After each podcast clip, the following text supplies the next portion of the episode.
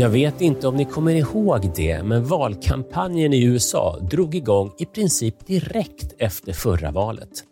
Mycket ovanligt, sa tykonomerna. Och det var ju inte sista gången vi sa så om något som Donald Trump gjorde. Men han var förbannad på att folk inte tyckte att han hade vunnit på riktigt och vill vinna igen. Opinionsundersökningarna, de som hade så totalt fel förra gången, tippar på Joe Biden. Men i dagens Studio DN då får du tio skäl till att Donald Trump vinner valet. Jag heter Augustin Erba.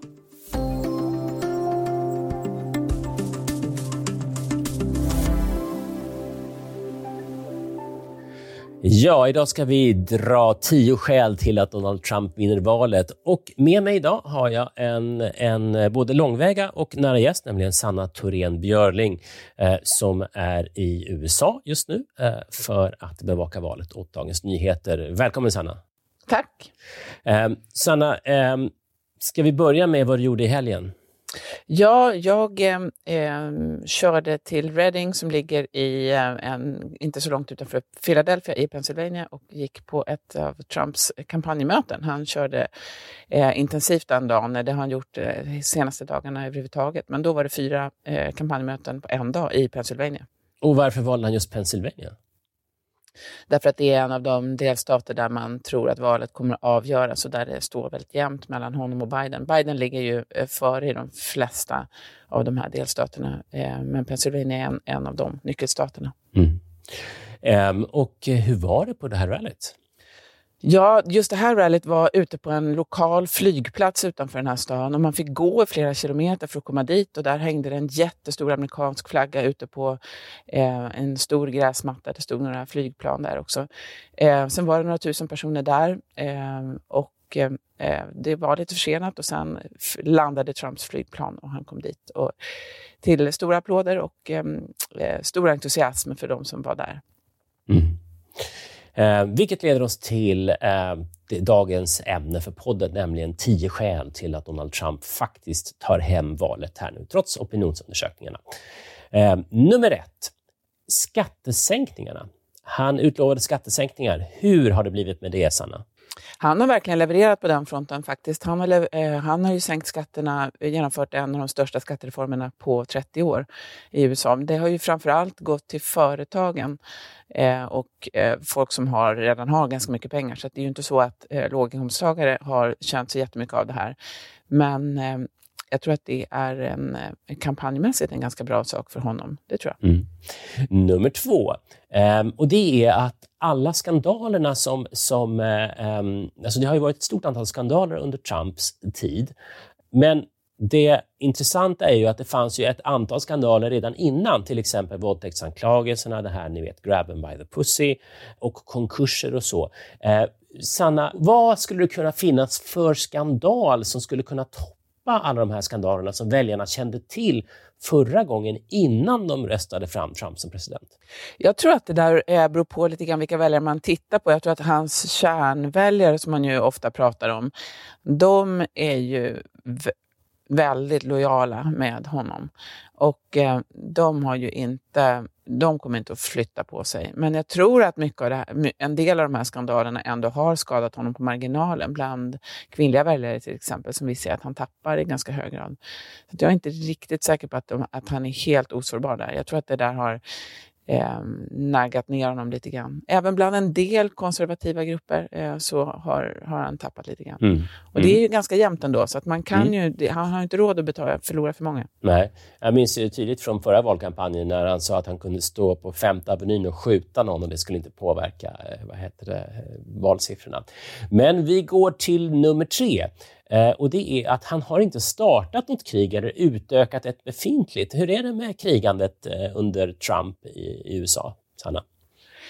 Ja, det där tror jag är väldigt någonting som många gillar. Att, eh, det vill ju även Obama vill ju dra sig ur en del av de här krigen, som, framförallt i Mellanöstern, som ju har sett som att de inte har något slut.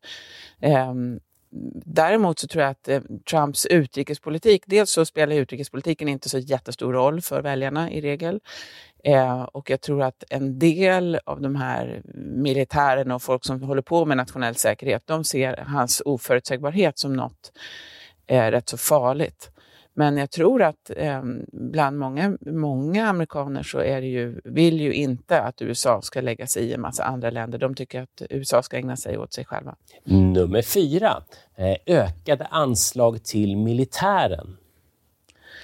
Ja, jag tror att det är lite grann samma sak där. där det är nog många som gillar det, men eh, jag eh, är inte säker på att det är, hur tungt det skälet är. Han, eh, samtidigt som han har sänkt alla de här skatterna och ökat anslaget till militärerna så har också budgetunderskottet skjutit i höjden. Eh, det här tror jag också är någonting som ganska få väljare kanske egentligen är medvetna om eller ser de långsiktiga konsekvenserna av. Det kommer bli tufft för vem som helst som kommer efter Trump nu att, att um, ta itu med det här också. Ja, just det. Så att, om, så att om Trump förlorar och det blir Joe Biden och så går det jättedåligt för att Trump har sålt ut hela statskassan, då kommer Trump kunna säga vad var det jag sa, ni skulle valt mig. Just det. Ja. Eh, nummer fem. Eh, och det här, man kan ju naturligtvis diskutera detta, men, men jag skulle ändå vilja kalla det för en väg mot fred i Mellanöstern. Ja, det kan man ju eh, säga att det har ju ändå förts en del förhandlingar och det har blivit ett samarbetsavtal eh, i Mellanöstern mellan eh, Förenade Arabemiraten, eh, Israel, Bahrain eh, och eh, det förs en del diskussioner där. Jag är osäker på hur viktigt det här är för Trumps väljare. Det, jag tror att ekonomin är en, större, en betydligt större skäl om Trump skulle vinna valet. Det tycker jag man hör när man är ute och pratar med folk. Mm. Ja, men det, det, det, tror jag också. Eh, men samtidigt så måste, man ju, måste vi väl ändå erkänna att det var inte så många som trodde att Jared Kushner skulle kunna, skulle kunna skapa någonting eh, i Mellanöstern. Men, men den här strategin som Trump hade att, att, eh, att utnämna Iran till huvudfiende och se till att alla så att säga, enas kring det, det har ju ändå varit en framkomlig väg, får man nog säga. Ja, bland en del så har det absolut det. Han har ju gjort vad han har sagt att han ska göra. Det, det, det tror jag är viktigt. Att han uppfattas som en person som har uppfyllt sina vallöften. Det ser man också när man är ute och, på sådana här kampanjmöten till exempel. Så står det folk med skyltar där det står “promises kept”, alltså hållda löften. Mm. Och han, det tror jag är, är viktigt för många. Att han har faktiskt gjort det han sa att han skulle göra och han har lovat att vara tuff utåt. Eh, det har han varit också, mm. tycker jag. Um, ja, vi håller på att titta på detta ur en strikt republikansk synvinkel. Uh, tio skäl till att Donald Trump vinner valet. Har, du har just hört de första fem. Snart följer de följande fem.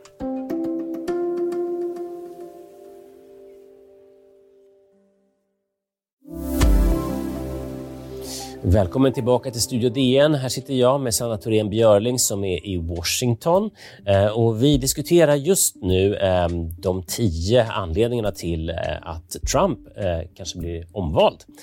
Ehm, vi har precis dragit igenom de första fem.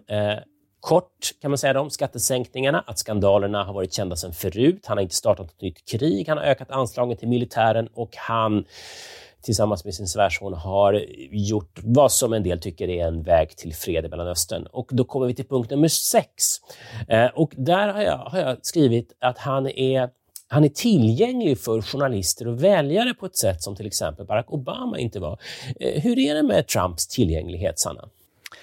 Ja, han är ju tillgänglig, eh, absolut. Eh, Obama var ju inte särskilt tillgänglig och eh, var ganska tuff mot journalister och eh, får efter källor och så. Just det där vet inte jag hur mycket väljarna eh, bryr sig om. Jag tror att, och Trump brukar ju själv säga att han utan, utan, medien, utan sociala medier så hade han inte kunnat göra någonting. Och han eh, med sitt twittrande, att det är hans sätt att kommunicera direkt med sina väljare. Jag tycker man ska komma ihåg att de flesta väljare inte alls är på Twitter, utan det är ju vi journalister som är besatta av Twitter. Och det är ganska många av hans väljare som tycker att hans twittrande är ganska besvärande. De brukar säga, tycker jag, när man träffar dem att ja, ja, han kanske eh, uttrycker sig lite eh, slarvigt ibland, men han har levererat X, Y, Z. Eh, så att jag tror att det är kanske trots hans twittrande som, som de fortfarande står bakom honom.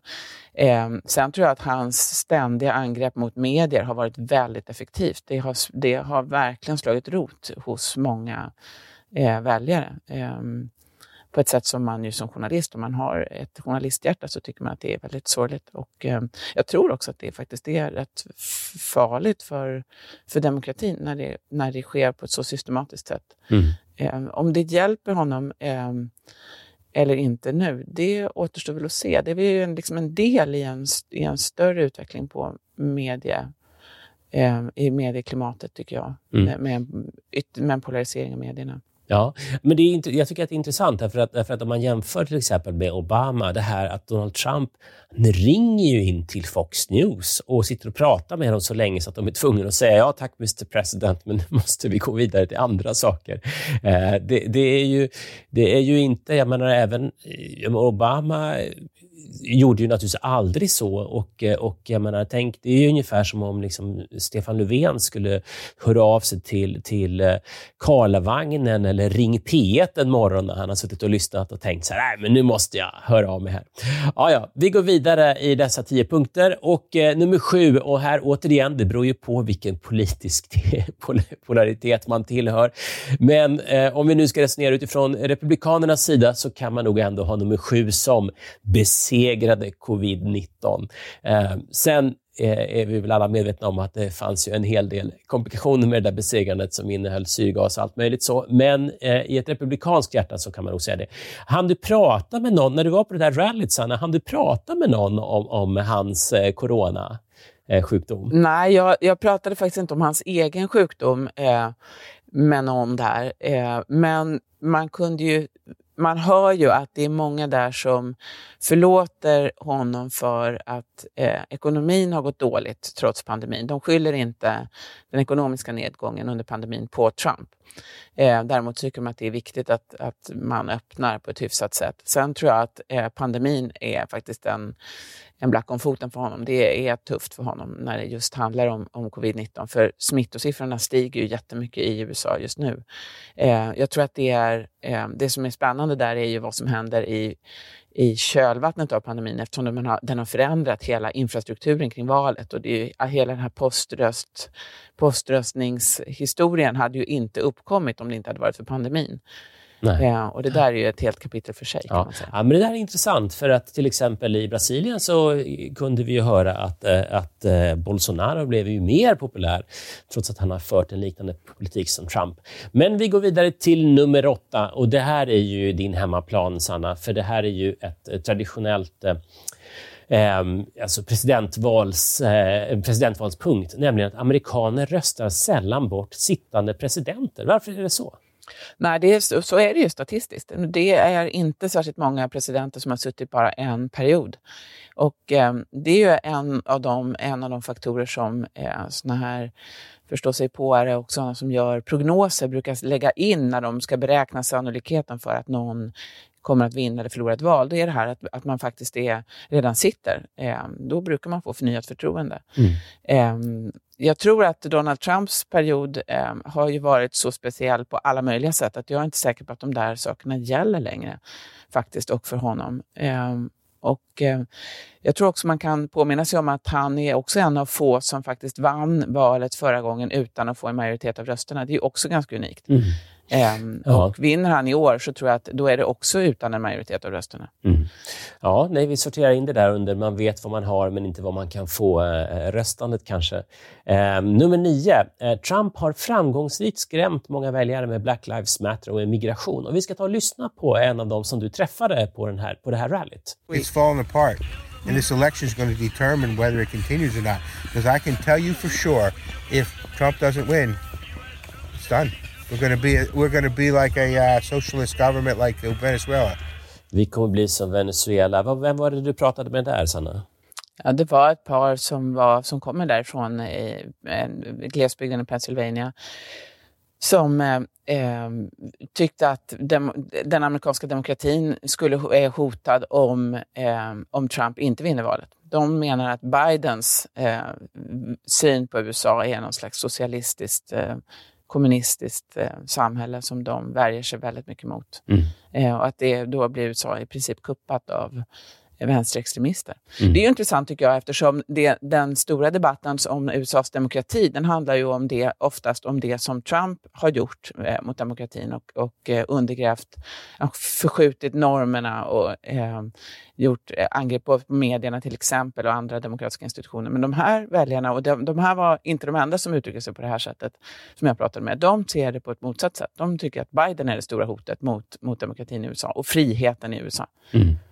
Eh, och så så kommer vi till den sista punkten som kanske är den viktigaste ehm, och det är att Trump har levererat konservativa domare och långt över förväntan dessutom långt över förväntan. Eh, över 200 federala domare på livstid har han levererat, inklusive tre då till Högsta domstolen.